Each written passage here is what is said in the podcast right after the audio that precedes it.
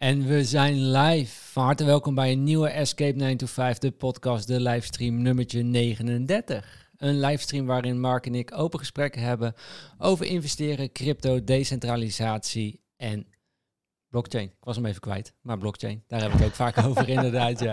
In ieder geval open gesprekken tussen twee goede vrienden, maar, we, maar waarmee we onszelf aan het denken zetten. En wellicht zetten we jou ook aan het denken. Dat zouden we mooi vinden. Het is in ieder geval een podcast voor bezielde investeerders die willen ontsnappen aan de 9 tot 5 Red Race. En van harte welkom weer iedereen. Uh, mocht je er nou een keer live bij aanwezig willen zijn, dat kan. We nemen dit op op uh, dinsdag om 1 uur. En dan kun je er gewoon live bij zijn. Daarvoor moet je je even op de e-maillijst zetten. Ga daarvoor naar escape925podcast.nl. Kan je gratis aanmelden en ontvang je altijd een mailtje van ons dat wij weer live zijn. En kan je dus ook live bij aanwezig zijn. Kan je vragen stellen. En nog belangrijker, we gaan na deze opname ook nog even door met elkaar kletsen. Doen we nog even videobellen met elkaar.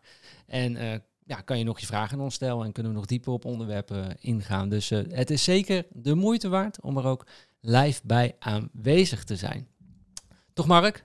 Leuk dat je er bent, Mark. Dankjewel, dankjewel. Ik heb er onwijs veel zin in. En uh, wat jij zegt, uh, Stijn, weet je, als je er live bij bent, uh, dat is qua energie is dat sowieso anders. Um, maar natuurlijk de natak is super inspirerend. En voor mij in ieder geval, en ik hoop voor alle deelnemers ook. Maar als ik dan zie hoeveel mensen er ook altijd blijven hangen. En, en, en ook, we kunnen de vorige keer, toen duurde het net zo lang als de podcast zelf. Um, de, de natak. Ja, het is, het is gewoon leuk. Het, en, en je komt net even tot andere gesprekken dan dat je, dat je anders in de podcast komt. Dus uh, leuk als, uh, als jij er de volgende keer bij bent. Weet dat je van harte welkom bent. En we waarderen het natuurlijk ook enorm als je de opname bekijkt. Dus uh, dankjewel ook daar, daarvoor. Waar gaan we het vandaag in ieder geval over hebben, is het volgende. Het Fiat-schip zinkt. En wellicht de CBDC wordt sneller geïntroduceerd dan we denken. Hoe kunnen we dat pareren? Daar willen we het graag met jullie over gaan, uh, gaan hebben. Voordat we de materie induiken, Mark. Uh, ja, het staat te gebeuren. Het is nog maar een paar nachtjes uh, slapen. En dan gaat onze eerste fysieke meeting zijn in Nederland met ja, 150 uh, deelnemers die zich hebben ingeschreven op de allereerste ja. wat wij hebben georganiseerd, de Crypto Family Day.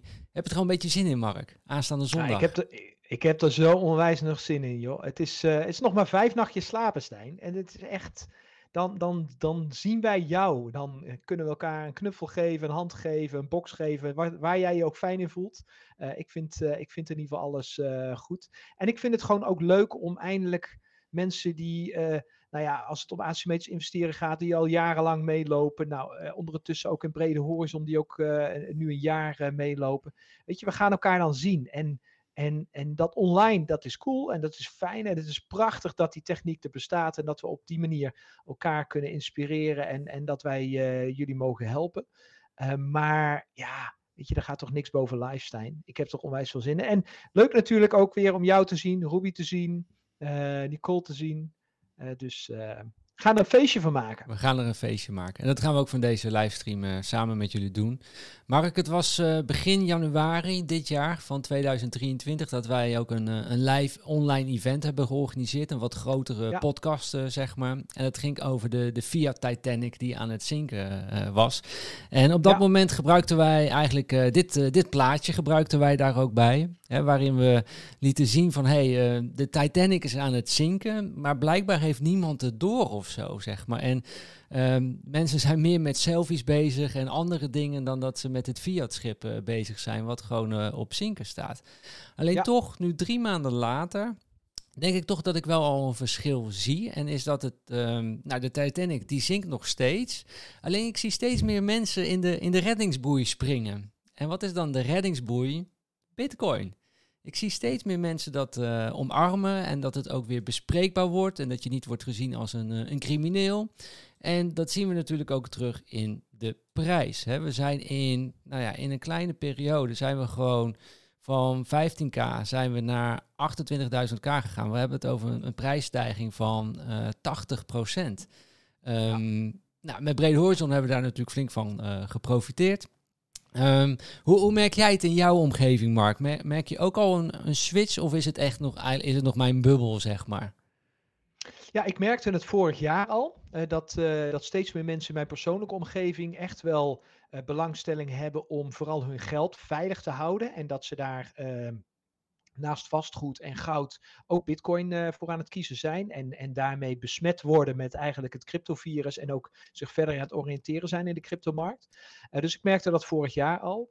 Uh, in mijn persoonlijke omgeving merk ik het niet de laatste tijd, maar deze week is het wel heel erg duidelijk geweest. En af, of vorige week moet ik zeggen, is het wel heel erg duidelijk geweest um, dat uh, mensen, waar mensen heen aan het vluchten zijn. Want um, eigenlijk het faillissement van de, van de eerste twee banken, uh, wat mij betreft, uh, twee Amerikaanse banken, die, daar was nog maar net uitgesproken of je zag de koers al enorm stijgen. En waar stijgt die dan van? Niet van de SP 500, hè, oftewel de aandelenmarkt, waar traditioneel ook veel heen gevlucht wordt. Nee, die steeg helemaal niet, die daalde zelfs. Maar naar goud en het digitale goud, Bitcoin. Ja. En dat is voor mij een teken, die heb ik nog nooit gezien in de geschiedenis. We hebben er natuurlijk altijd al over gesproken. Uh, Bitcoin is het digitale goud en is de veilige haven uh, wanneer, uh, wanneer de cryptocurrency of wanneer de, het fiat geld minder waard aan het worden is. Maar we hebben nog nooit zoveel bewijs daarvan gezien. En weet je wat ik ook cool vind, Stijn? En daar ben ik echt heel erg enthousiast over. Kijk, Bitcoin is natuurlijk ontstaan in 2008, 2009. De grote financiële crisis die we hadden uh, in de, uh, nou, over de hele wereld. Hè. Banken die massaal failliet uh, gingen, die gered moesten worden. Natuurlijk ook in Nederland, hè, zijn we niet vergeten. ABN AMRO moest gered worden, ING, SNS is failliet gegaan, maar is vanuit de failliet de boedel direct overgenomen. Ik had de aandelen en ik heb er nooit wat van gekregen van de overheid. Maar in ieder geval, die banken zijn gered om het vertrouwen, zeg maar, te, uh, te gaan winnen. En dat is het ontstaan geweest van Bitcoin en eigenlijk van de hele blockchain-markt zoals we die nu kennen. En wat is dan cool? Dat op het moment dat uh, eigenlijk weer een soort gelijk iets gaat gebeuren. Het, het, is niet precies hetzelfde, dat wil ik erbij zeggen. Maar als er soort gelijk iets gaat gebeuren, dus er komt in dit geval een bankrun. Want die banken, er was niks mee in de hand. Hè? Zeker, zeker um, uh, Silicon Valley. De, ja, Silicon Valley Bank, dankjewel. En er was niks mee in de hand. Maar het vertrouwen wordt opgezegd in dat soort banken. En dat geldt natuurlijk, en daar gaan we het ongetwijfeld vandaag over hebben, dat geldt natuurlijk voor iedere bank. Hè. Op het moment dat het vertrouwen in de bank wegvalt en er een bankrun ontstaat, dan zal het zo zijn dat die bank failliet gaat of gered moet gaan worden. En nou, nu dus 13 jaar later, 14 jaar later, 15 jaar later bijna, wat zien we? Dat mensen dezelfde vlucht gaan maken als dat er toen gebeurde. En eh, toen was dat, waren dat echte early adopters, mensen die begrepen hoe het bankensysteem in elkaar zat, die vaak zelf vanuit het bankensysteem kwamen en snapten dat dat uh, gewoon niet verder kon, die al voorbereid waren. Uh, die gingen naar sowieso goud kijken, maar ook naar bitcoin. Maar nu zien we dat dus massaal gebeuren, want er is zoveel geld ingestroomd in de afgelopen twee weken. Um, uh, wat een directe correlatie heeft gehad met het nieuws wat naar buiten was gekomen als gevolg van het faillissement van banken. En Stijn, ik ben blij ermee dat Bitcoin dat nu aan het bewijzen is, want dat is dit eigenlijk is de stresstest. Dit is de stresstest, precies. Ja. ja. we hebben tien jaar lang konden jij en ik en heel veel andere mensen met ons kunnen wel, konden wel gaan zeggen: ja, nee, Bitcoin is het digitale goud. Bitcoin is het digitale goud. Maar we hadden niet het bewijs. Wel voor onszelf. Het, eh, het, de rendementen liegden er niet uh, om en, en, en het verbeterde de inflatie uh, ruimschoots. Maar we hadden niet het bewijs hoe, hoe, de wereld zou reageren op het moment dat een vergelijkbare situatie zou ontstaan als 2008, 2009. En nu is het er. Ja, nu is het. we hebben de hele tijd hoogconjunctuur gehad hè, na die crisis, zeg maar. alles is gestegen, de aandelen, vastgoed, goud, noem maar op. Maar nu, nu is de shit recht. En dan moeten we gaan kijken, is Bitcoin die veilige haven? Nu gaat het erom, zeg maar. En, dat, en, dat, en weet je wat zo cool is, Stijn? De aandelenmarkt daalt. De uh, vastgoedmarkt daalt wereldwijd. Sterk zelfs. Um, we hebben te maken met rente, uh, renteverhoging. We hebben te maken met uh, banken die in faillissement gaan. De aandelen van banken dalen dramatisch. zeker van de kleinere banken op de wereld. Um, en wat stijgt? Bitcoin en goud. Niet eens de dollar, hè? De dollar niet. Nee. Want dat, dat hadden we 2020 hadden we dat. Hè? Toen vluchten mensen voor de veiligheid uit, de alle, alle, uit alle assets naar de dollar toe. Nee, niet naar de dollar nu. Gewoon goud en bitcoin. Mensen zijn voorbereid. Ze hebben zich laten voorlichten door wellicht platformen zoals bij ons en andere platformen. Nou ja, en Mark, ze weten wat ze moeten doen. Wat ik ook zie, en dat is een klein beetje een narratiefverandering wel bij de, de mainstream media, is dat bijvoorbeeld uh, Arno Wellens werd ook uitgenodigd bij uh, het programma Half Acht. En mocht dus op de nationale tv gaan vertellen waarom die banken uh, failliet zijn gegaan. En hoe ze een centrale bank dan het opkoopt, hoe die geldprinterij werkt. En, en Jort Kelder sneed daar ook nog even aan. Ja, die banken hebben gewoon ook heel veel geld gecreëerd. Dus het zijn de eerste tekenen ook daar wellicht dat het narratief al gaat veranderen. En dat er nog meer mensen wakker gaan worden. En dus uh, die reddingsboei gaan, uh, gaan pakken. Wat wellicht goud, zilver, bitcoin voor je kan, kan zijn. Tegelijkertijd, ja. Mark, de FOMO slaat misschien ook een beetje toe. Of niet. En ik, ik heb een, een weddenschap eigenlijk voor je. Heb je hem gezien of niet? Laat het zien. La, oh, je, hebt, je, hebt, hem niet gezien, dat is mooi. Uh, nou, ik wil een, uh, iemand wil een weddenschap met jou afsluiten, Mark. Je kunt een uh, miljoen euro verdienen. Ja. En je kunt één bitcoin verliezen. Nou, de bitcoin van ja. vandaag is 28.000. dat, dat verlies je. Maar je kan wel 1 miljoen winnen. Dus nou, best wel een goede ratio natuurlijk. hij zegt van oké, als bitcoin in um, ehm, 90 dagen boven de 1 miljoen is, dan heb ik gewonnen. En dan krijg ik jouw bitcoin. En dan krijg ik dus de miljoen, want bitcoin is 1 miljoen geworden. Ja. Is het niet, dan krijg jij mijn 1 miljoen. En uh, ja, dan heb jij je bitcoin en krijg jij een 1 miljoen. Zou je erop in willen gaan, Mark? Op die, Ja, absoluut. Want je verliest er nooit wat mee. Nee, nou ja, één bitcoin, 28.000 dollar zou je verliezen. Eén bitcoin. Ah, oké. Okay. Ja. Fair. Ja. ja. nou ja, goed. En dan dus een, een miljoen eigenlijk op dat moment, hè? Dus, ja, ja, ja, exact. Maar dit is wel een leuk plaatje. Weet je, dit, dit gaat. Eh, ik heb, ik, ik heb het. Uh, ik heb deze niet gezien. Maar ik, ik ken de veronderstelling, ken ik. En uh, de veronderstelling hierbij is niet per se dat Bitcoin. Ja, Bitcoin. Die, je, je vergelijkt natuurlijk altijd de koers met een andere koers. Dus Bitcoin vergelijk je in dit geval met een dollar. Um, ja. En je tekent hem vanuit de grafiek van Bitcoin. Dus Bitcoin wordt dan veel meer waard ten opzichte van de dollar. Alleen je zou hem ook anders kunnen tekenen. Uh, je zou hem ook vanuit het dollarperspectief kunnen tekenen ten opzichte van Bitcoin. En dan daalt die natuurlijk extreem lang, uh, uh, extreem hard. En dat is een beetje het, het, het, het idee waar we in de Bitcoin community natuurlijk al jarenlang over praten en ook wel eens om kunnen lachen. Van wij weten zeker dat Bitcoin naar een miljoen gaat. Stijn en ik weten dat ook zeker. Bitcoin gaat naar een miljoen. Of het binnen 90 dagen is, vind ik twijfelachtig, maar hij gaat naar een miljoen. Alleen de grote vraag is, wat koop je er dan nog voor? Ja. Oftewel, is het een compleet verval van eh, al het fiat geld, met als laatste wat mij betreft de US dollar, die dan dus niks meer waard is, of misschien nog eh, een schijntje waard is. Um, en is het daarom dat Bitcoin stijgt ten opzichte van de koers, omdat die wel waardevast is? Of is het dat Bitcoin inderdaad echt stijgt ten opzichte van de huidige waarde van de dollar? Nou, dat laatste zal het sowieso niet zijn. Want uh, we hebben natuurlijk alweer kunnen lezen, Stijn, dat in de afgelopen weken, uh, terwijl enerzijds de Fed en de en Europese banken de rente aan het verhogen zijn, dat overheden als een gek aan het printen zijn om hun economie in stand te houden. Dus dat werkt uh, ja, tegen elkaar op. Dus, en geld printen betekent verwatering van het fiat geld, betekent dat het minder waard wordt. En ik denk dat het hier ook om gaat. Wat blijft er nog over? Op het moment dat straks al die banken gaan, gaan vallen, dan is eigenlijk daarmee indirect gezegd: we hebben geen vertrouwen meer in het fiatgeld. Exact, en, dat, dat, zegt de, dat, dat zegt deze persoon ook. Daarom durft hij de weddenschap uh, aan te gaan. Hij, hij zegt dus uh, dat, uh, dat alles gaat vallen binnen die 90 dagen. En dat er eigenlijk een soort van hyper-bitcoinization gaat, gaat ontstaan. Um, het klinkt natuurlijk allemaal heel mooi. En voor iedereen die in bitcoin zit, denk je, oh fantastisch, bitcoin is een miljoen. Alleen ik denk dat je hier niet voor moet prediken. Want dan is er zoveel chaos in de wereld. Dat wil je echt niet. He, dan, ben je, dan ben jij niet meer met je bitcoin bezig. Maar dan ben je meer met je veiligheid bezig in deze wereld.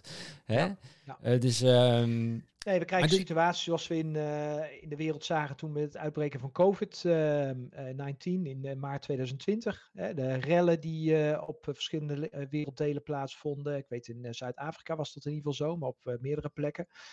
Mensen gaan, want, want alles stopt hè, op het moment dat banken inderdaad verval, vervallen en het, en het fiat geld zijn einde krijgt, dan stopt alles. Want er wordt niks meer geleverd bij de supermarkt. De supermarkten zijn snel leeg, heel snel leeg.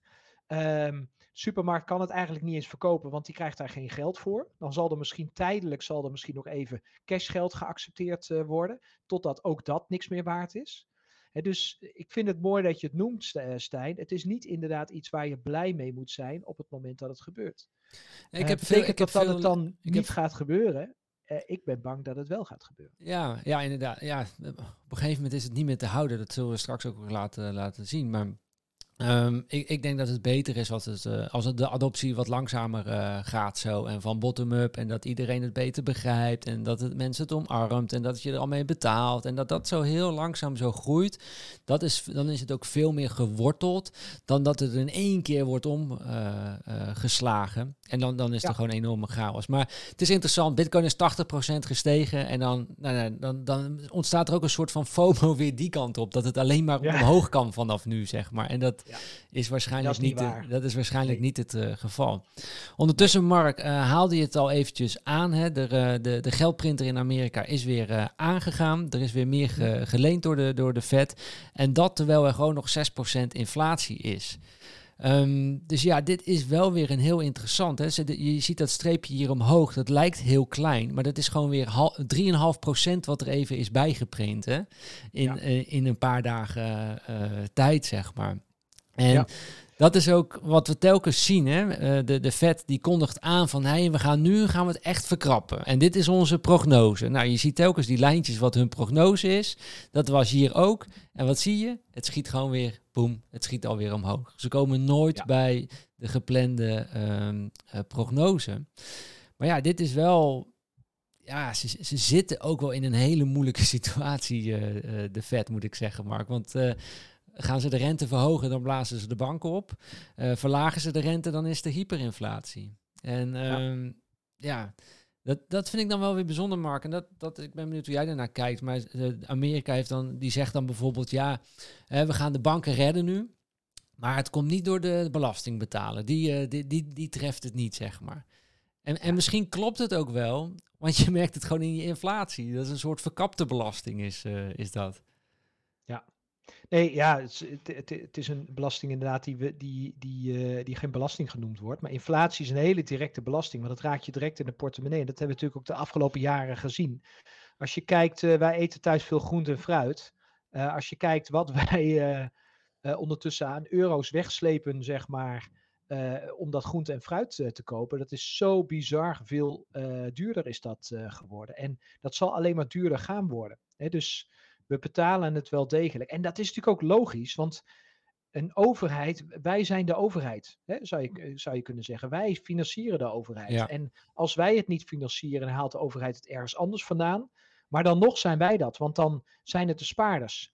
Hè, eh, wat we nu bijvoorbeeld gaan zien, en ik verwacht dat die de rekening gaan betalen, pensioenfondsen. Pensioenfondsen hebben natuurlijk altijd heel veel geld. Krijgen iedere maand ook uh, heel veel geld uh, binnen hè, uit uh, pensioenpremies.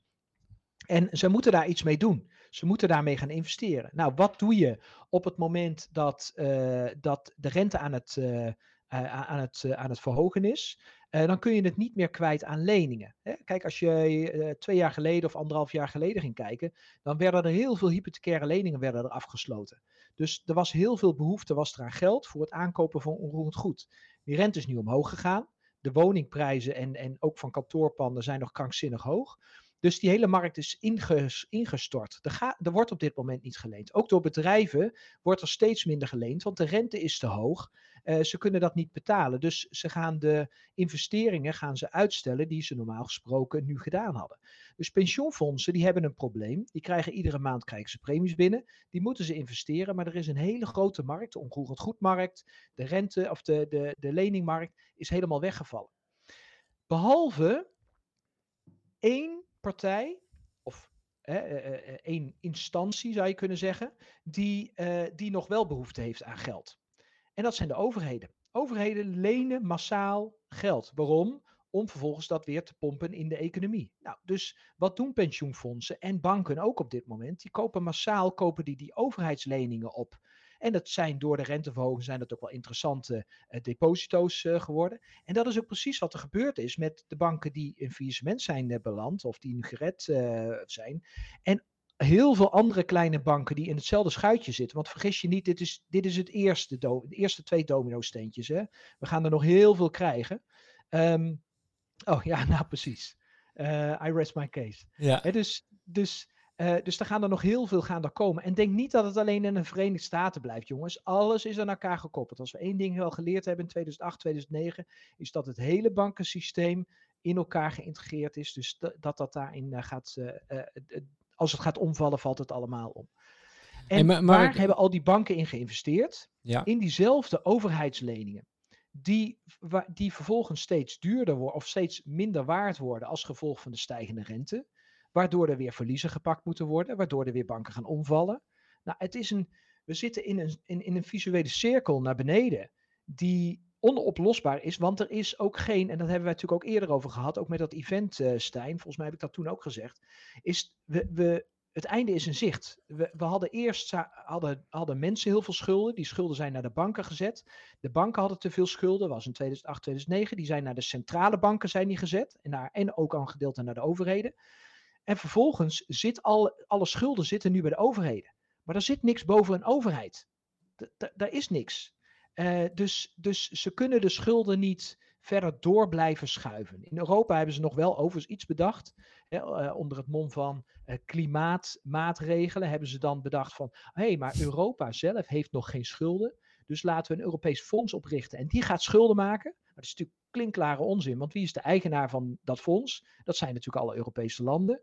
En die Europese landen, dus de overheden, ja, die zitten als uh, barstens vol met schulden. Dus het, het, het, nee, het, het, gaat helemaal nergens om. Nee, en wat we nu zien, Mark, is dat die schulden zijn van Amerika bijvoorbeeld de 32.000 miljard eh, schuld. Dat is al uh, meer dan wat hun economie jaarlijks oplevert. Hè? Maar straks gaan ja. ze kunnen nu nog de rente terugbetalen. Maar straks gaan ze, uh, is hun economie levert minder op dan de, de, de rente die ze per jaar moeten betalen. Ja. En dan zit je echt aan de maximum. Dan, dan, dan, ja, dan kun je niet meer dit spel, eh, deze elastiek verder uittrekken. Dan is het letterlijk een elastiek die klapt. Ja. Boom, in één, uh, in één keer. En dan, en dan, krijg je wel die grafiek, die hockeystick die je net liet zien, hè, van die weddenschap. Dan, op dat moment begint dat. En ik ben het wel met deze persoon eens. Die noemt een, een periode van 90 dagen. Dat gebeurt dan ook in een hele korte periode. dus dus als, als we die grens voorbij gaan, en dat gaat heel snel gebeuren, uh, dan, dan gaat het ook opeens heel snel. En wat betekent dat dan?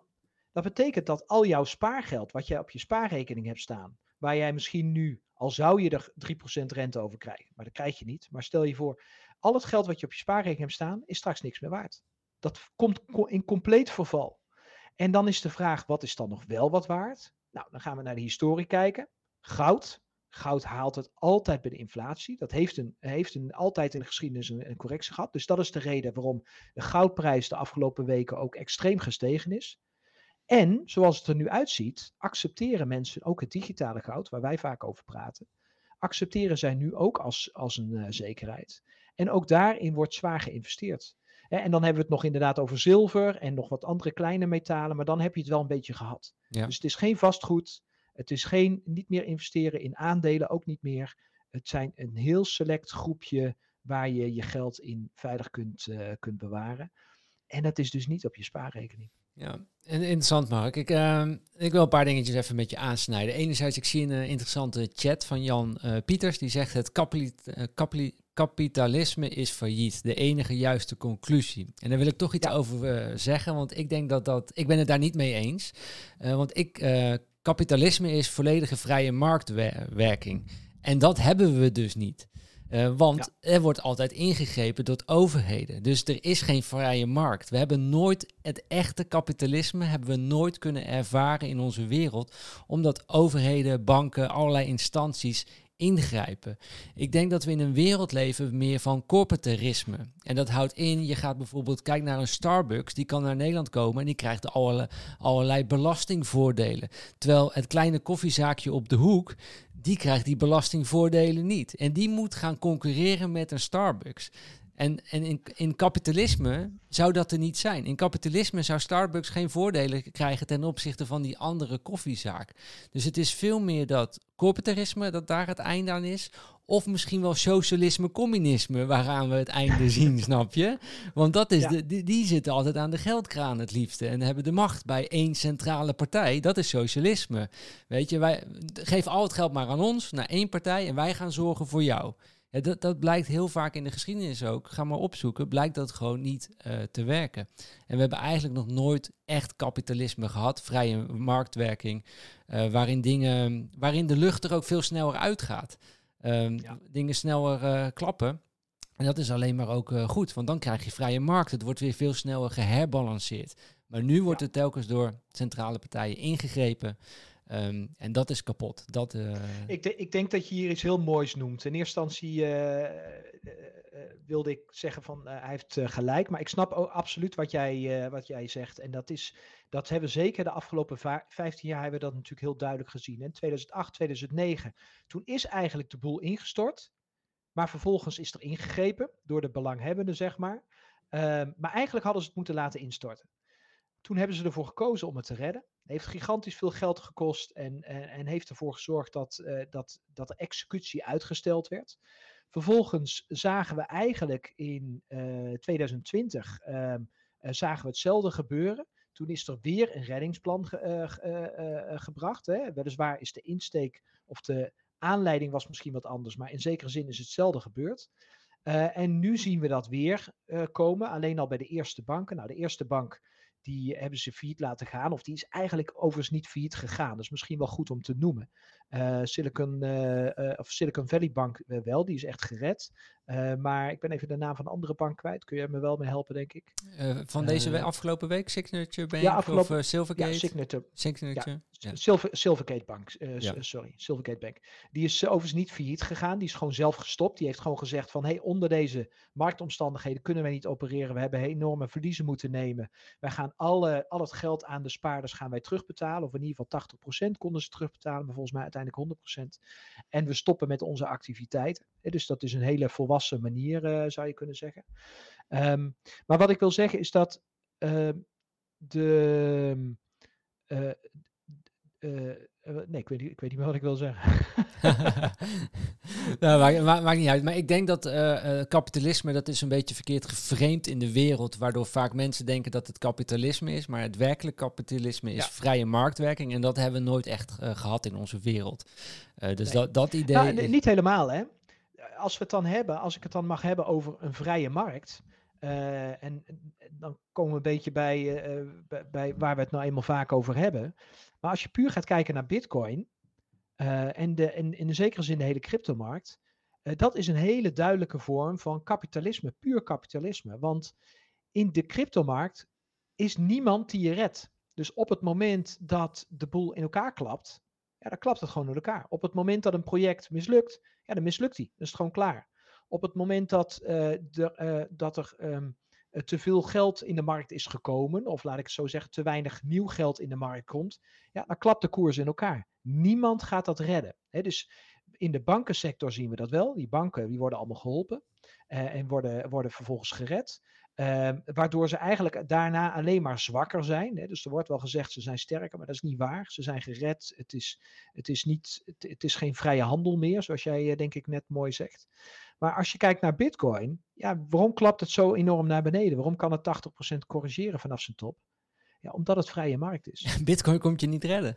ja. Bitcoin komt je niet redden. Niemand nee. komt je redden. Nee. Er is, geen, er is geen vet van Bitcoin of een CEO van Bitcoin die de handel stillegt of dat soort bullshit allemaal wat je wel in de vrije markt ziet. Uh, dat gebeurt hier niet in. Um, en, daarmee is het, en daarmee is het een hele fijne, transparante markt. En ik denk dat dat steeds meer mensen gaan uh, zien, Stijn. Dat, dat, dat je eigenlijk in die onzekerheid die je ervaart, dat er eigenlijk heel veel zekerheid in zit, omdat het heel duidelijk is. De spelregels zijn duidelijk.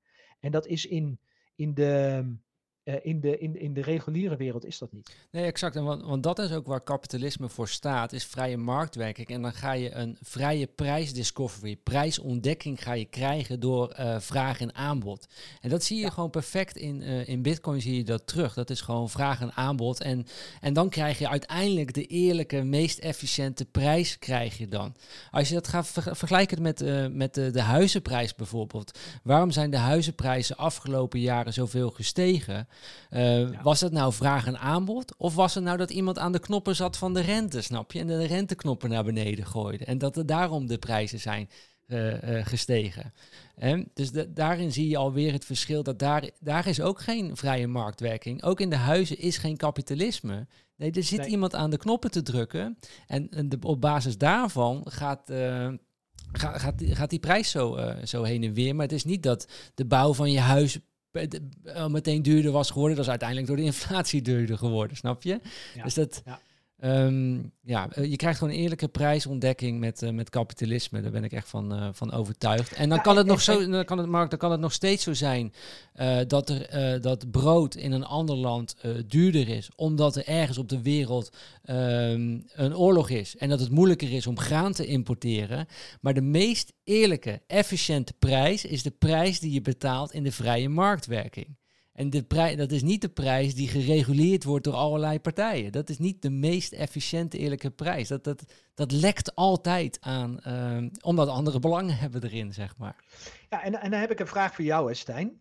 Um, kijk, wij weten van goud dat die ook gereguleerd uh, wordt. Hè, zo, zoveel mogelijk als het kan. Hè, in, in dit soort omstandigheden is het niet te reguleren, want uh, er, is, er is een te duidelijke koers, zeg maar, uh, hoe mensen naar de markt kijken.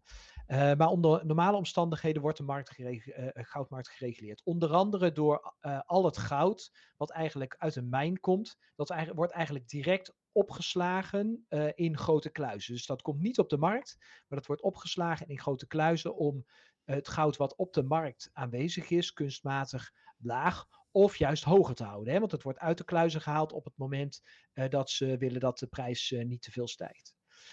Ben ik benieuwd, hoe lang denk jij dat het nog duurt voordat mensen ook dat gaan doorhebben ten aanzien van goud? En dan dus inderdaad echt gaan kiezen voor het digitale goud. En ik, ik zeg niet dat je dat nu als kijker hmm moet gaan doen, dat je 100% voor Bitcoin moet gaan. Uh, Stijn en ik uh, kopen ook metalen, hè, dus, dus, dus uh, we zitten niet 100% in de crypto-markt, dat is goed om te weten. Um, ik heb ook vastgoed. Ik denk, dus, Stijn, ja. Je hebt ook vastgoed, precies. Ja. maar ik denk, ik denk dat, ehm, dat, dat je uiteindelijk in een markt wil gaan zitten waar ze het ook niet van je kunnen afpakken. Want mensen vluchten nu wel naar goud. Maar stel je voor als er net zoals, wat was het, in de jaren 30 uh, um, en in, in, Europa in de jaren 70, uh, dat het goudbezit verboden wordt. En dat jij verplicht wordt om je goud in te leveren voor een vooraf vastgestelde prijs die veel lager is dan de, de, de handelsprijs op dat moment. En je moet dat inleveren. Dat is toen hardhandig is dat afgelopen. Er was, een, er was zelfs, uh, mensen moesten zich eh, kon, konden, konden een, een, een, nou, een kliklijn noem ik het. Maar goed, toen die tijd was dat wat anders. Maar bij wijze van spreken zouden ze straks weer een kliklijn kunnen invoeren. Voor als jij weet dat er iemand nog ergens goud in zijn kluis heeft liggen of, uh, of wat dan ook. En dan moet je dat inleveren. En dan blijkt dus, dan krijg je daar waardeloze fiat geldpapieren weer voor terug. Die weer onder controle staan van de overheid. Dat is ook hoe dat toen ging. Hoe lang zullen mensen dan, als ze dat doorgaan hebben, in goud blijven? Of ga je dan inderdaad naar het digitale goud of een andere cryptomunt kijken die echt buiten het systeem staat, waar mensen, ja, dan, dan kun je wel zeggen, ja, je moet al je bitcoins inleveren. Ja, hey, succes. Ga ze maar vinden. ja, precies. Ja. Succes. Ja. Ja, ja. het zit in je hoofd, uh, weet je. De, de, de sleutel van naar je bitcoins uh, kan gewoon in je hoofd zitten. En dan kun je dus, uh, ja. dan ga je gewoon ook naar een ander land toe. Dan neem je het heel makkelijk mee. Ga je naar een ander land waar het wel is toegestaan. Uh, ja. Want uh, ik weet zeker, als sommige landen bitcoin gaan verbieden, gaan andere landen het juist omarmen. En kun je daar heel makkelijk naartoe met je, met je bitcoins. Uh. En dat kan, precies, en dat kan natuurlijk heel makkelijk met een digitaal, een digitaal goud. Kijk, als je echt goud moet meeslepen, ja, en je hebt een aardig kapitaal, ja, dan, dan, dan, dan kom je wel door. en dan, dan worden er wel wat vragen gesteld als je door de security gaat. ja, ik denk dat die detector wel afgaat dan inderdaad. Ja. Ik denk het wel, ja.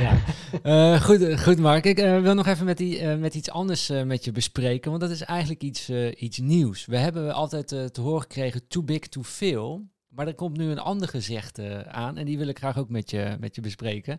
Uh, ik zal het heel eventjes inleiden. Dit was enerzijds nog het onderzoek door economen gedaan dat er 186 Amerikaanse banken hetzelfde lot als de Silicon Valley Bank uh, te, te, wachten uh, staat. En wanneer zou dat, ehm, zou dat kunnen gaan ontstaan?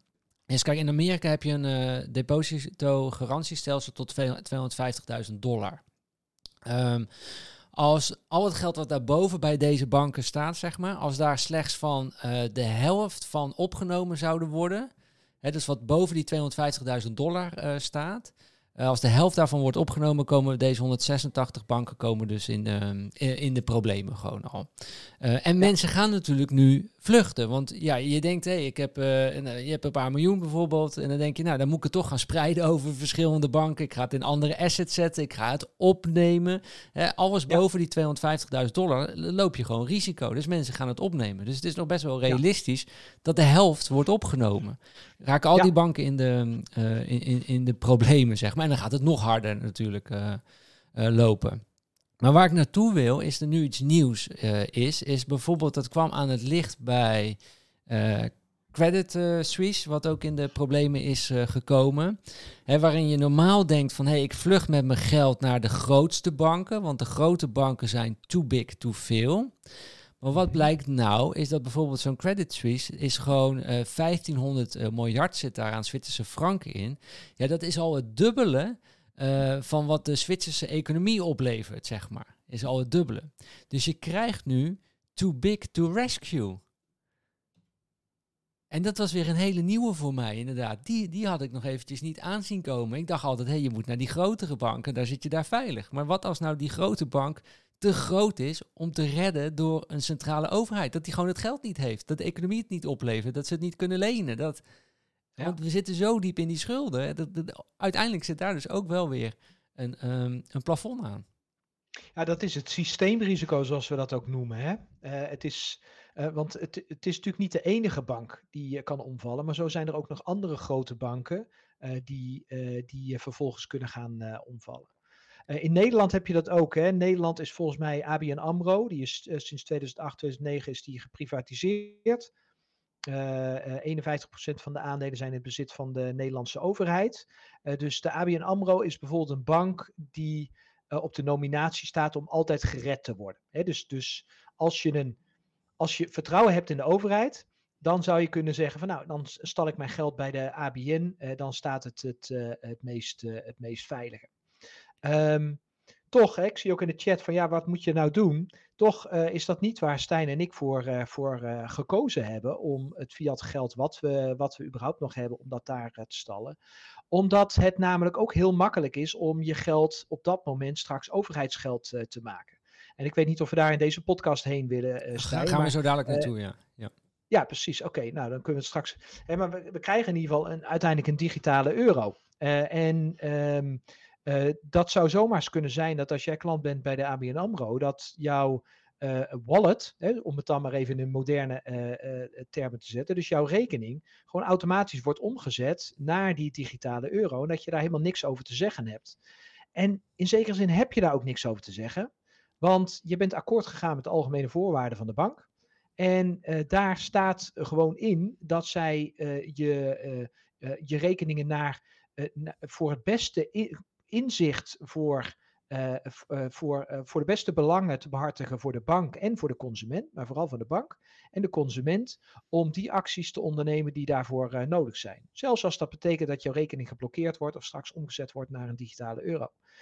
En, um, en, en, en dat is ook goed om te beseffen van wat kunnen ze er allemaal mee doen. Dus enerzijds mooi dat je het aanhaalt. Sommige banken zijn te groot om te kunnen redden. Ik denk dat het hele bankensysteem, want het is een kaartenhuis, uh, dat je het hele bankensysteem als één bank kunt uh, zien. En dat is sowieso te groot om te kunnen redden. Dus als het valt, valt het allemaal. En, zullen er, en zal er een ander systeem gaan, uh, moeten gaan komen om ja. het überhaupt te vervangen. En überhaupt de paniek niet te hebben. En kijk, dat kan ik dan wel hopen, Stijn. Kijk, ik, we kunnen van alles vinden van dit systeem en dat het, uh, dat het, dat, dat het de laatste uh, adem uh, aan, het, aan het halen is. Weet je, dat, dat, dat is zo. Dat weten we al een paar jaar en dat hebben we ook al een aantal, al, al, al, al, verschillende keren hebben we dat ook in deze podcast benoemd. dus daar staan we niet meer van te kijken. ik hoop alleen dat ze een plan hebben om in ieder geval de rust en de stabiliteit, zeg maar, te bewaken in de wereld. Want als er één ding is waar we sowieso niet op zitten te wachten, uh, dan is het, uh, is die onrust. En dat betekent dat al jouw spaargeld is weg. Weet je, daar moet je vanuit gaan. Als het systeem vervalt of op een gegeven moment jij ochtends wakker wordt en er uh, groot in het nieuws is dat jouw euro niet meer gebruikt mag worden. En geen wettelijk betaalmiddel meer zou zijn. Maar dat iedereen toegang krijgt tot een andere wallet.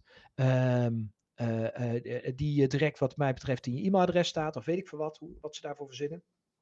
Um, ja, dan zal er even onrust zijn, maar dan zal er ook direct stabiliteit zijn. Alleen, je bent je geld wel kwijt. dus, en ik denk dat dat goed is om te beseffen, ja, wat kun je nu doen? Hoe kan je van het schip afkomen? Van het Fiat-schip eraf komen en iets wat buiten dat Fiat-systeem doen? Precies, maar, maar wat is dat dan? Wat is een concrete actie dan? Nou, Stijn, wat mij betreft, bitcoin kopen. En dat hoeft voor niet, ons, voor ons is dat zeker, ja. Absoluut, ja. Uh, en, en dat hoeft niet voor je hele uh, spaarbedrag. Uh, maar als je 2 tot 5 procent in ieder geval investeert in bitcoin en buiten het fiat systeem houdt, dan denk ik dat je het al heel goed, goed doet. En voor een groot gedeelte, voor het geld wat je niet direct nodig hebt, om je gewoon je uitgaven te doen maandelijks, ja, echt wel investeren inderdaad in goud of in uh, zilver of andere metalen. En dan wat mij betreft, Stijn, ik weet niet hoe jij daarin staat, maar dan echt fysiek goud en fysiek zilver. Uh, wat je thuis bewaart of in een kluis, of dat moet je zelf bekijken, maar op een veilige manier. Ja. Uh, maar dat je het echt zelf in je handen hebt. Dus niet een papiertje van een goed bedoelde bank of een goed bedoelde partij die zegt dat ze het in de kluis hebben liggen. Nee, zelf in je hand kunnen hebben. En Um, ik, dat zijn wat mij betreft de stappen die je op dit moment uh, moet nemen. En betekent dat dat je al je uh, spaargeld daarin moet investeren? Ik denk, dat denk ik niet. Weet je, ik denk dat het altijd goed is om ook daarin spreiding aan te brengen. Um, dus ook een stukje in fiat geld uh, te houden. al, en, maar we hebben het, hadden wij het vorige week ook over, over cashgeld, Stijn? Ja, cashgeld ook ehm, gewoon, ja. Ja. ja, hadden wij het daar samen over of in de podcast? Ik ook nog in de podcast aan het einde hadden we het er nog eventjes over. Of in de natalk hadden we het. Uh, in de natalk was het, ja precies. Maar ook cash geld. Uh, ik heb uh, de afgelopen week, sinds, sinds dat die banken, is, is bij mij ook weer op mijn radar gekomen. Oh, wacht even.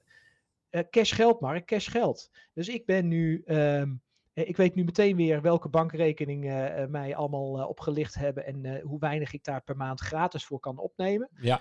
echt, wat een oplichters, 200 euro in de maand zeg. Dat is echt te zot voor woorden. Um, ik heb bepaald, omdat je natuurlijk tegenwoordig Apple Pay hebt, heb, had ik van bepaalde bankrekeningen niet eens meer een pas. Dus die heb ik aangevraagd. Om straks inderdaad wel thuis, of nou ja, in mijn geval dan extern in een kluis, uh, op een uh, cash geld aan te gaan houden. En niet om meteen te gaan gebruiken, in mijn geval. Maar nee, om te bewaren op het moment dat ja, de banken straks dicht zijn. Ja, en, en wat ga je doen als een bedrijf, Mark? Een bedrijf met tonnen, miljoenen op de bankrekening bij die banken. Je, je hebt een deposito tot 100.000 dollar. Hoe, hoe, hoe, zouden die CEO's van bedrijven nu bezig zijn? Waar hè, met hun overtollig geld wat daar op de rekening uh, staat ik ben wel heel benieuwd eh, of zij de stap durven te maken naar, naar, naar bitcoin, naar goud. Nou ja, cash een beetje onhandig, een paar ton in cash eh, natuurlijk.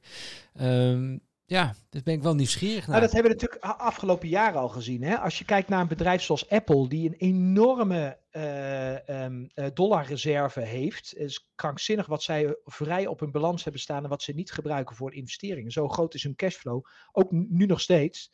Um, um, maar uh, Apple is uh, eh, 100% een beursgenoteerd bedrijf. Dus er zijn heel veel aandeelhouders, zou je kunnen zeggen. En wat zie je dan? Die CEO die zegt op de vraag van, ja, ga je, ga je niet iets in goud investeren of in bitcoin investeren? Die heeft, ik weet niet wat hij nu zegt, maar anderhalf jaar geleden zei hij, nee, dat ga ik niet doen.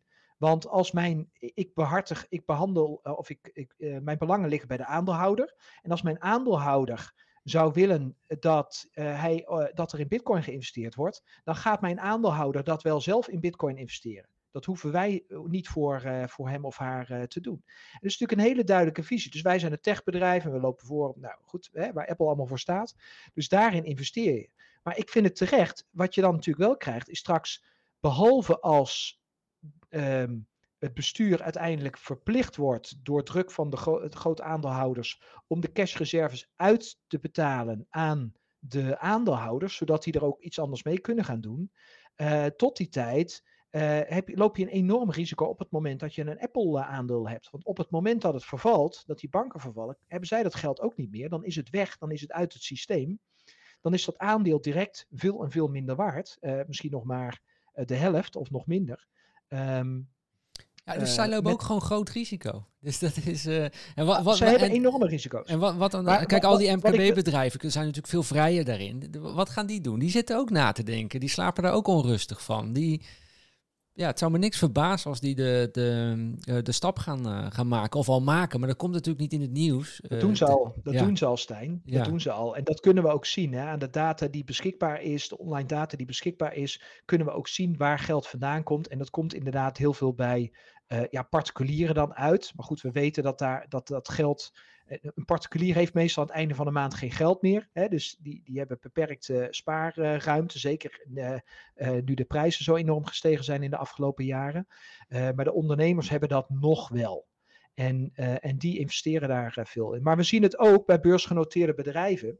om dat even af te maken. we zien het ook bij beursgenoteerde bedrijven waarbij de, groot gedeelte van de aandelen nog in, uh, in, bij, bij één of bij één persoon of bij een familie is. Dan zie je ook dat die bedrijven stappen aan het zetten zijn om te investeren in andere assets. Dat hebben we natuurlijk gezien aan Michael Saylor, hè, eh, misschien wel de meest, de grootste pionier op het gebied van investeren in Bitcoin als beursgenoteerd bedrijf. Die is daar in, nou, ik geloof in 2019 mee, mee gestart. Dat is natuurlijk een heel duidelijk voorbeeld van, van dat dat wel mogelijk is en, en welke keuze daarin gemaakt wordt. En met hem in zijn kielzoog, ook door zijn educatie eh, die hij vrij beschikbaar heeft via, uh, zijn, uh, via een speciale website die hij daarvoor heeft ingericht, kunnen al dat soort bedrijven kunnen ook, hebben ook geleerd hoe ze zonder dat daar al toestemmingen voor zijn uh, en fondsen voor zijn, hoe zij hun geld rechtstreeks kunnen investeren in bitcoin. Ja, exact. En, ja. Um, en je ziet bedrijven dus natuurlijk ook gewoon naar uh, ook vastgoed kopen. Hè. McDonald's is natuurlijk het grootste voorbeeld daarvan. Dat is eigenlijk gewoon een vastgoedbelegger. vastgoedbedrijf. Ja, ja is eigenlijk een vastgoedbedrijf. Dus dat, dat is natuurlijk ook wat ze kunnen, kunnen doen.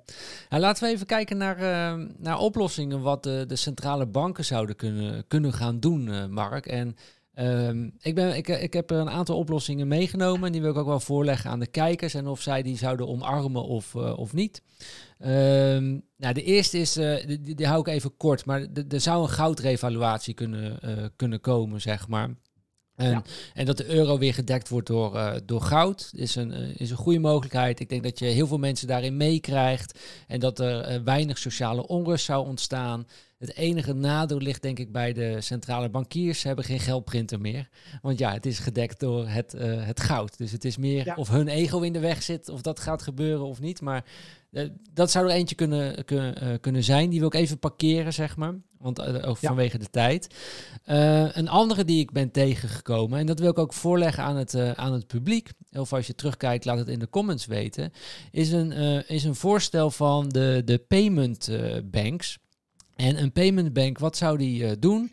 Uh, jij stort bij een bank jouw, uh, jouw euro's, bijvoorbeeld 1000 euro. En die bank die bewaart 100% 1000 euro's gewoon. Dus die gaat het ja. niet uitgeven, gaat niet fractioneel bankieren.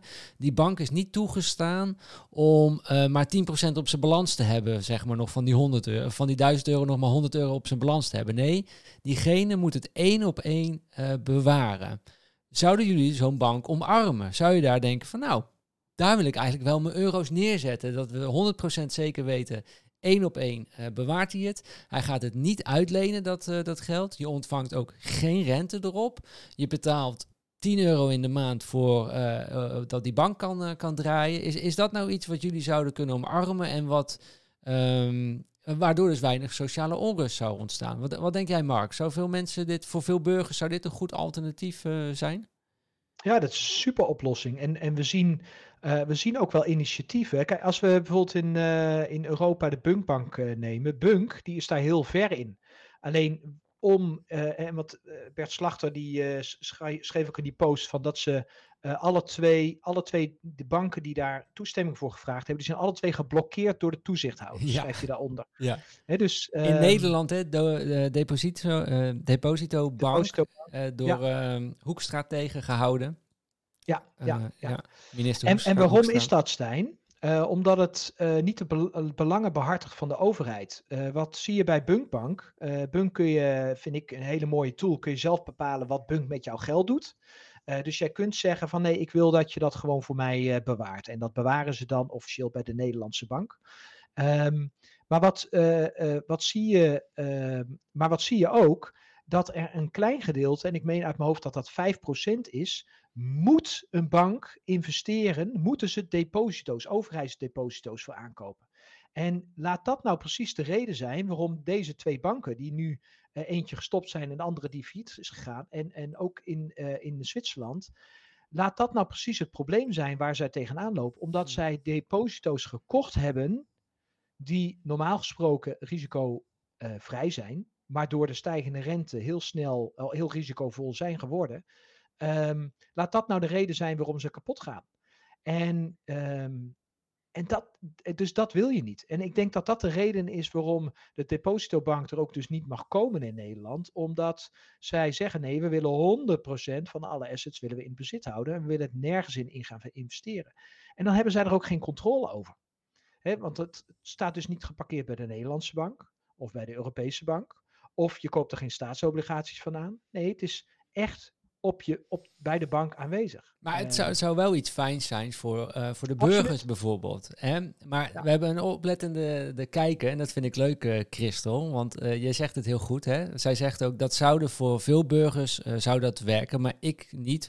Want mij levert dat niks op. Ja, wel veiligheid, alleen je koopkracht loopt als, alsnog achteruit. Exact. Ja, dat is hoe je het betaalt. Dat is, hoe, dat is hoe je deze veiligheid zou betalen.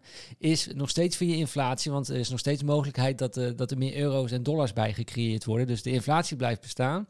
Alleen je ja. kunt het wel even ergens parkeren, één op één. En je kunt het altijd opnemen wanneer jij wilt. En uh, je kunt zoveel opnemen als je wilt. En uh, ja. kun je het meteen weer ergens anders in gebruiken. Maar je blijft het betalen met ehm, de verkapte belasting en dat is inflatie. Ja, dus met welk geld zou je dat doen? Met het geld wat je, wat je de komende vijf weken nodig hebt. Hè, dat, maar dat is in zekere zin ook hoe je hopelijk nu je huidige uh, rekening gebruikt. Dat je daar alleen geld op hebt staan wat je de komende vijf weken of misschien paar maanden. drie maanden, afhankelijk ja. van je risicoprofiel, ja. uh, daarop hebt staan. Ja, exact. En toen dacht ik, ik dacht dat heel veel mensen dit zouden omarmen. En dat ze dat zouden interessant vinden, dat het één op één bewaard wordt. En toen dacht ik, Mark, van ja, maar eigenlijk is die partij er al. En dat is Bitcoin. En dan heb je nog ook nog eens een decentrale bank. Het is helemaal eh, gedecentraliseerd. Je kunt het ook nog eens in je eigen wallet hebben. Eén op één. En je weet altijd, één bitcoin blijft één bitcoin. Um, ja. en, en eigenlijk wil Bitcoin dat zijn. Alleen wij zijn nog zo gebrainwashed dat we alleen maar eh, de prijs uitdrukken in euro's of in dollars. Maar we drukken het ja. niet uit in bitcoins, in satoshis. En als je dat de afgelopen vijf jaar wel had gedaan, dan had je gezien dat jouw huis goedkoper was geworden in satoshis uh, dan in euro's. Dus het is zo'n ja. mindshift waar we doorheen moeten.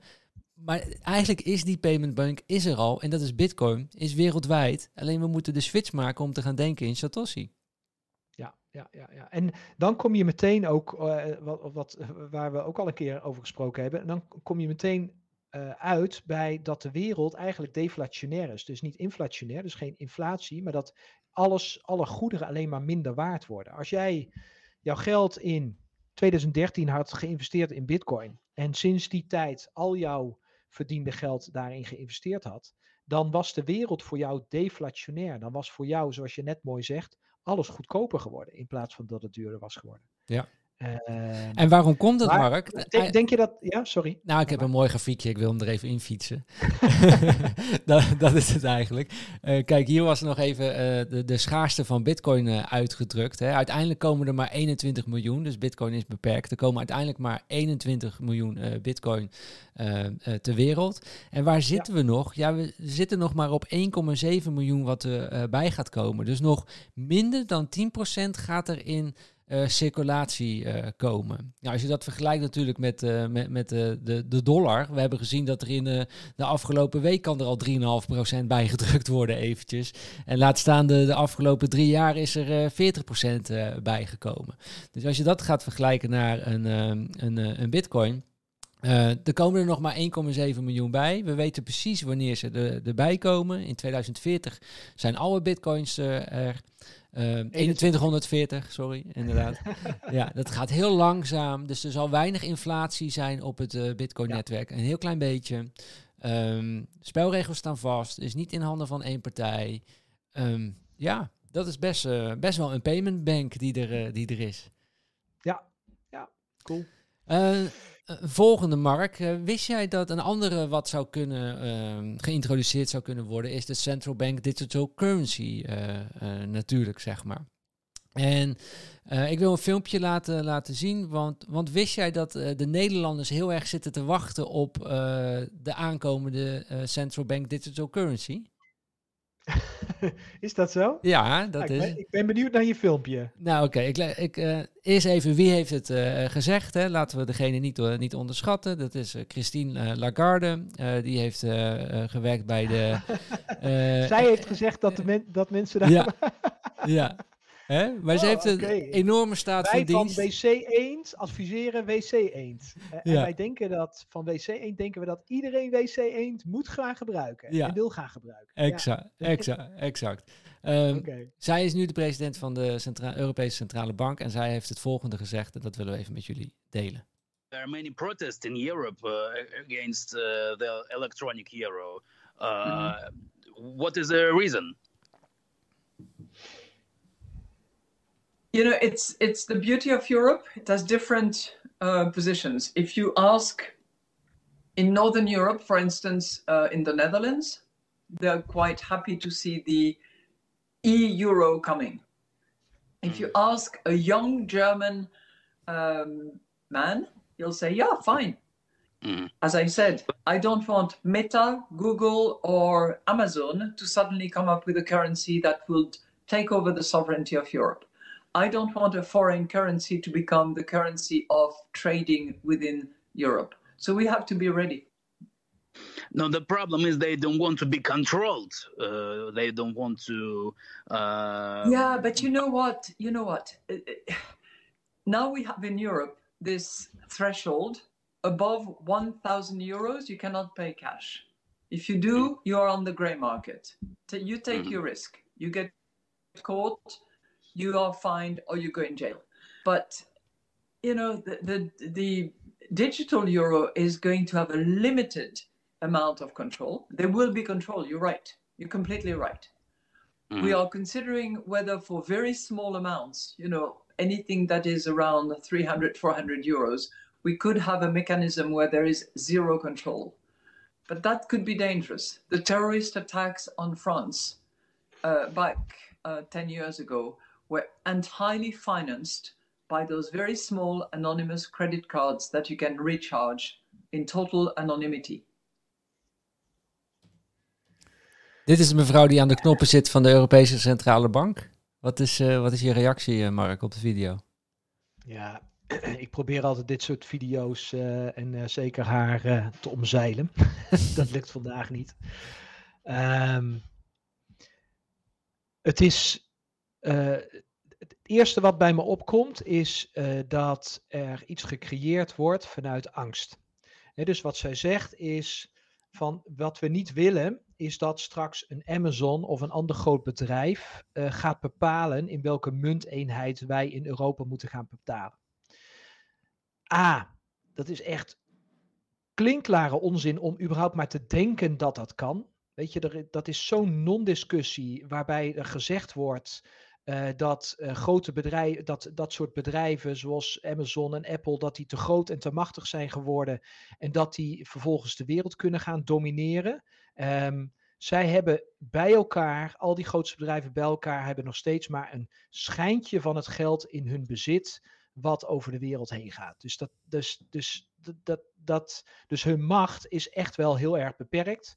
Ehm, eh, dus dat één, vanuit, uh, vanuit angst iets op gaan zetten, creëert alleen maar meer angst en creëert alleen maar meer controlemogelijkheden. Dus zij zegt van ja, we moeten iets gaan controleren. Nou, wat moeten we gaan controleren? In de chat werd het ook al gezegd, het is ondertussen ook bekend.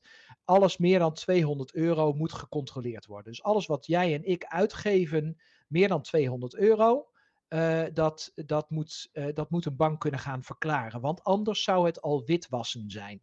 Nou, dat is meteen de verklaring. Ik gaf toen straks al aan, ik kan maximaal 200 euro pinnen. Waarom is dat? Hierom. Dus, um, uh, dus, dus en, en waarom? Omdat er bewezen is dat er, dat, dat er in Frankrijk. Um, nou, attacks, ja uh, attacks zijn geweest, gefinancierd door uh, airmiles passen die, waar 200 euro op, op kon opgeladen worden. Het is zo'n klinkklare onzin. Dat is de reden waarom we nog steeds door beveiliging heen moeten, omdat er ooit vliegtuigen gekaapt zijn en dat daarmee hele vervelende dingen zijn gebeurd. Zij, wordt, wordt er nog steeds zo'n uitgebreide security gedaan. Het is regerend vanuit angst en niet vanuit vertrouwen. Als je iets moois wil creëren, dan vind ik dat prachtig. Weet je, ben ik helemaal voor. En als je technologie daarvoor wil gebruiken, hartstikke goed. En als je iets wil creëren wat vrijwillig, wat mensen vrijwillig mogen gebruiken en waar ze dus vrijwillig zelf voor kunnen kiezen uh, om daaraan mee te werken. En dat de afspraken ook duidelijk zijn, wat die afspraken zijn, en dat ze niet veranderd kunnen worden, vind ik dat ook helemaal goed. Maar we weten dat dat hier niet het geval is. Nee, wat we hier zien, Mark, en dat is eigenlijk ook voor, uh, voor Jan Pieters, is dat kapitalisme bestaat niet. Want kapitalisme zou zijn, de beste munt mag winnen. En laten mensen zelf kiezen in welke munt ze hun waarde willen opslaan, welke, mensen, welke munt ze willen gebruiken om te handelen. Laten zelf partijen komen met nieuwe munten en laat de markt het maar beslissen ja. welke de beste gaat, uh, gaat zijn. Um, en dat mag dus niet. En dat is, daarom is er dus ook geen kapita kapitalisme. En het is wel interessant, en Mark, in de, in de chat was de payment bank, die eerste optie die ik zei, zeiden best wel veel mensen, ja, is goed, weet je, kan ik me best wel in vinden, dan betalen we het maar ja. met inflatie, maar dat zou ik echt gaan gebruiken. De bank kan ja. dat zo introduceren, zonder probleem. We hoeven hun infrastructuur niet te vernieuwen, is gewoon een regel aanpassen wordt tegengehouden door overheden. Dus er is een oplossing. Binnen hun netwerk hebben ze nog best veel controle, maar ze doen het niet. Ze willen dus dit. Ze, ze zitten allemaal voor te sorteren op die central bank digital uh, currency. Um, hè, daarmee proberen ze jouw zekerheid te verkopen, maar ten koste van je privacy. Dat is het. Dat, dat is wat je gaat inleveren, weet je. Gaan... en, en, dat moet je uitleggen, denk ik, voor de meeste kijkers, uh, Stijn. Wat bedoel je daarmee ten koste van je privacy? Ik snap wat je bedoelt, maar ik denk dat het fijn is om dat, uh, om dat benoemd te hebben. Nou, wat, wat, wat dit, een, een central bank digital currency uh, zit bij de centrale bank al de, direct. Hè, dus daarom koop je zekerheid. Eén op één staat het daar. Alleen het is een cryptomunt, het is programmeerbaar. En zij kunnen dat programmeren en zij kunnen tussentijds de spelregels aanpassen. Ook al zullen ze zeggen, dat doen we niet. Ze passen het altijd aan. Dat zie je ook in de werkelijke wereld al gewoon met, uh, met de wetten. En wat er ja. dan kan zijn, dat is, uh, nou daar zijn ze ook heel open over. Ik heb hem toevallig uh, klaarstaan. Uh, dit kun je gewoon lezen hè, op de, de, de ECB-website, Europese Centrale Bank. Is dus dat de digitale euro is programmeerbaar. Nou, we, ze hebben het zo gedesigned, het mag geen... we moeten voorkomen dat het een investeringstool wordt, de, de e-euro. Dus dat is al de eerste ja. insteek hoe ze het doen. En er ja. zitten limitations op. Ze kunnen jou dwingen dat je, nou, je moet het nu uitgeven aan iets, zeg maar, want het is programmeerbaar. Dus ze kunnen zeggen, ja, uh, als je het nu niet uitgeeft, dan halen we het weer terug van je rekening af. Weet je, zo kunnen ze zorgen dat jij, dan kunnen ze vraag en aanbod in de economie gaan uh, ja, stimuleren. Ze kunnen op die manier de economie stimuleren. Hè? Ja. Dus, ja, de, dus we zien dat uh, nu. Hè? We gaan uh, langzamerhand gaan we naar een, een, een heel, heel slecht lopende economie. Een van de redenen is dat mensen heel bang zijn. Uh, onzeker zijn. En Het gevolg daarvan is, is dat ze hun geld op een bank houden en dat ze eh, grote uitgaven, zoals eh, het kopen van meubels, het herinvesteren in een auto, een nieuw huis, verbouwingen, dat soort dingen, die gaan ze langzamerhand gaan ze die uitstellen. Laat ze het geld op een bank staan, maar dat is slecht voor de economie. Dus de overheid die wil graag dat je dat uitgeeft. Nu kunnen ze dat alleen maar stimuleren door um, door te zeggen van uh, door, door, door spotjes te maken, zeg maar. ja. Subsidies te verstrekken, dat soort dingen. Ja. Uh, maar straks kunnen ze gewoon zeggen van hé, hey, als jij jouw geld niet op 31 december op hebt, uh, dan gaan wij daar, of, of stel je voor, je hebt een bankrekening van 30.000 euro. Uh, en, um, en zij bepalen dat 10.000 euro meer dan genoeg moet zijn. Dan zeggen ze gewoon van, joh, alles wat je meer dan 10.000 euro hebt op 31 december, uh, dat, dat nemen wij in beslag. Dus je kunt het of tot die tijd nog uitgeven, of we nemen het in beslag. Ja. Nou, mensen gaat... gaan dat massaal uitgeven, ja. want anders is het straks niks meer waard. En zo stimuleer je de economie. En waarom is dat programmeerbaar? Het is blockchain technologie, dus ze hebben dat eigenlijk bij Bitcoin hebben ze dat gestolen. Hè, de, het idee hebben ze uh, daar vandaan uh, gehaald. Uh, alleen het verschil is, Bitcoin is decentraal. Dus de, de broncode die ligt vast en die kan ook niet veranderd worden, behalve als alle nodes, die Stijn en ik onder andere ook hebben draaien, daarmee akkoord zouden gaan. Nou, die gaan daar niet allemaal mee akkoord. Nee. Het is echt onmogelijk om dat te gaan veranderen. Of, nou, niks is onmogelijk, maar heel lastig, laat ik het zo zeggen. Um, moet wel een heel goed idee zijn, wil je dat kunnen veranderen. Ja. En, um, maar uh, een digitale currency is gewoon gecentraliseerd geregeld. Dus daar krijgt gewoon hoofd IT krijgt de opdracht. Hey, uh, iedereen in de leeftijd, in, die die leeftijd, tussen de 25 en de 45, die mag maximaal 10.000 euro aan het einde van het jaar op zijn rekening hebben. Dus wil je even inprogrammeren dat dat, dat, uh, dat dat dan straks ook uh, weer, weer. Dat ja. kan gewoon. Ja, en, en, en het kan nog verder tegen, tegen dingen ingaan. Het kan zijn dat je, als jij bepaalde dingen niet doet die de overheid graag wilt. Nou, neem bijvoorbeeld met de vaccinaties. Hè, dat ze heel graag willen dat je gevaccineerd bent. Dan kan het zo zijn, oh jij bent ja. niet gevaccineerd. Dan gaan we anders om met jouw rekening. Dat zouden ze bijvoorbeeld ja. kunnen doen. Of ze kunnen ook, er was een nieuwe markt wat ik ook als inzicht kreeg. Ze kunnen ook zeggen van, oké, okay, jij moet binnen een straal van 15 kilometer, moet jij je geld uitgeven. Want we willen de lokale economie gaan stimuleren. Het ja. gaat allemaal in tegen je, uh, je privacy. Het kan en het zelfs is niet nog... alleen geld, hè? Het is niet alleen programmeerbaar geld. Dat vergeet, daar, daar praten we vooral over. Maar het is veel meer dan dat, hè? Het is ook je ticket, je treinticket. Het is ook de manier waarop jij je dus vervoert, uh, het openbaar vervoer uh, gaat. Hoe je andere kosten gaat maken. Hoe je je elektriciteitsrekening betaalt. Alles wordt daarin geprogrammeerd. Dus je hele leven wordt gecontroleerd en er wordt precies bijgehouden waar je bent, wat je doet, met wie je omgaat. En voor alles kan uiteindelijk een penalty gemaakt worden. En dat zal echt niet de eerste jaren zijn. Want de eerste jaren, dan moeten we natuurlijk even wennen aan dat systeem. En dan zullen er wel bepaalde dingen uh, uh, beperkt worden, waaronder al die 200 euro. Maar dat is nu dus ook al. Uh, maar het, het, het zal steeds verder gaan en de grens verschuift. En dat zien we eigenlijk al in de afgelopen jaren, ook op dit moment, zien we dat grenzen voor, uh, van, van onze vrijheid steeds meer beperkt worden.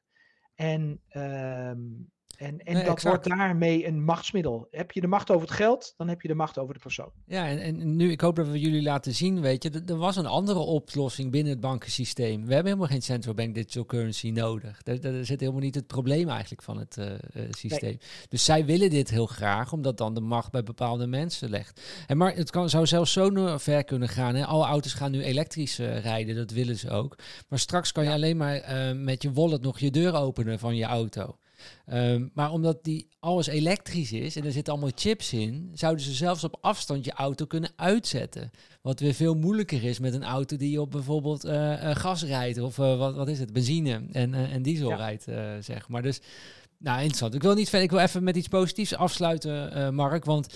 Uh, Thank God, uh, Bitcoin. Is dat niet al positief? dat is heel positief. Maar ik heb het. Onlangs heb ik ook een um, fundamentele update opgenomen in de, voor het Brede Horizon leden. En het ging over de ja. game theorie. Hè, dit kunnen wel bepaalde mensen heel graag willen, maar je krijgt altijd een tegenreactie, een tegenbeweging en waar mensen altijd nog naartoe kunnen uh, vluchten. Maar je gaat cool. ook hebben dat landen tegen elkaar gaan strijden, dat eh, staten in Amerika tegen elkaar gaan eh, strijden. En nu is de staat eh, Florida is dus eh, naar buiten gekomen. En kijk heel goed naar die afbeelding, eh, Mark. Big Brother's Digital Dollar, eh, zo hebben zij het genoemd. En zij, Ja. deze gouverneur van Florida, heeft zich uitgesproken. Wij willen een ban op de digital eh, eh, central bank digital currency. Wij willen geen Florida. central bank digital currency. Dus we gaan staten krijgen die tegen elkaar gaan vechten. En dat ze daarmee juist burgers willen aantrekken. Want daarmee trek je burgers aan met economische voorspoed. Je trekt economische Ja. voorspoed naar je staat eh, toe. En ik denk dat we dit echt moeten omarmen, deze mensen. eh, die hun nek durven uit te steken. En gewoon een persconferentie durven te houden. Big Brothers eh, Digital Dollar. niet voor, voor ons. Ehm, dus weet, in al het angst zit ook, de, een tegenpol zit ook de liefde, weet je. En de liefde gaat altijd overwinnen. Het, ik, ik ben er echt van, van overtuigd. En eh, thank God ook, eh, we- we have Bitcoin, weet je. Ook dat inderdaad eh, voor ons. Ehm, dus ja, ik vind dit wel weer een, een mooi item, Mark. Dat nou, in de staat Florida, dat ze gewoon zeggen van... we willen geen central bank digital currency. Cool. Cool. denk Allemaal dat- naar Florida toe. Gaan allemaal naar Florida. En ook nog eens lekker weer. Dat is ook wel lekker, hè? Natuurlijk. Dus Ah, eh, zo fijn. ja, Ja. ja. Goed, ik denk dat we hier maar eens mee eh, mogen gaan afsluiten, Mark. En dat we nog even gaan napraten in de, in de natalk. Het heeft volgens mij Ja. genoeg stof eh, doen, eh, doen opwaaien bij iedereen. Ehm, in ieder geval bedankt voor het kijken. We vinden het superleuk als je nog even een reactie onder deze video achterlaat. Werkt tevens ook heel goed voor het YouTube- YouTube-algoritme. Dus dan gaan meer mensen deze informatie zien. En dat is alleen maar goed volgens mij als meer mensen dit gaan, gaan zien en beetje bij beetje wakker worden. Eh, volgende week, 28 maart, eh, is er geen live opname, maar waarschijnlijk wel om 7 uur is er een podcast die gepubliceerd gaat, eh, gaat worden. Omdat Mark en ik gaan aankomende zondag hebben de Crypto Family Day en wij gaan live een podcast daar opnemen voor alle mensen, 150 eh, deelnemers die daar live bij aanwezig zijn. En ons idee is om die dinsdag 28 maart om 7 uur s'avonds te publiceren op YouTube en op Spotify. Eh, maar dat moet even lukken met de techniek allemaal. Maar als dat lukt, dan eh, staat hij dan eh, live. Eh, dinsdag 4 april zijn we gewoon om 1 uur hier weer live. Kun je live bij aanwezig zijn. Escape9to5podcast.nl kun je aanmelden. En voor de rest zou ik zeggen, deel het met vrienden en familie. Ehm, en dat zouden we heel erg eh, eh, leuk vinden als je dat wil doen. Vond je het een interessante podcast en mocht je een donatie achter willen laten, dat mag ook. Dat kun je doen op, eh, via Bitcoin Lightning natuurlijk. Je kunt de QR-code scannen die in beeld is. Of ons eh, Lightning-adres, wat ook in beeld staat en ook onder de video staat. Altijd veel dank daarvoor. Ehm, ja, dat was het eigenlijk voor nu. Ik wil jullie gewoon super bedanken. Ook in de chat ging het helemaal los. En dank jullie wel voor alle input en inzichten die jullie ook weer hebben gegeven tijdens deze livestream. Wat, eh, wat geweldig dat jullie erbij zijn. Uiteindelijk waren we met meer dan 100 deelnemers eh, live. En eh, we zien echt deze community ook, ook groeien. En dat is gewoon geweldig. Want ik merk aan alles dat deze community dingen niet opzet vanuit angst, maar vanuit liefde. En dat is het mooie. En dat gaat overwinnen. Dank voor het kijken. Vergeet niet het leven te vieren. En tot de volgende keer weer. Ciao, ciao. Tot ziens.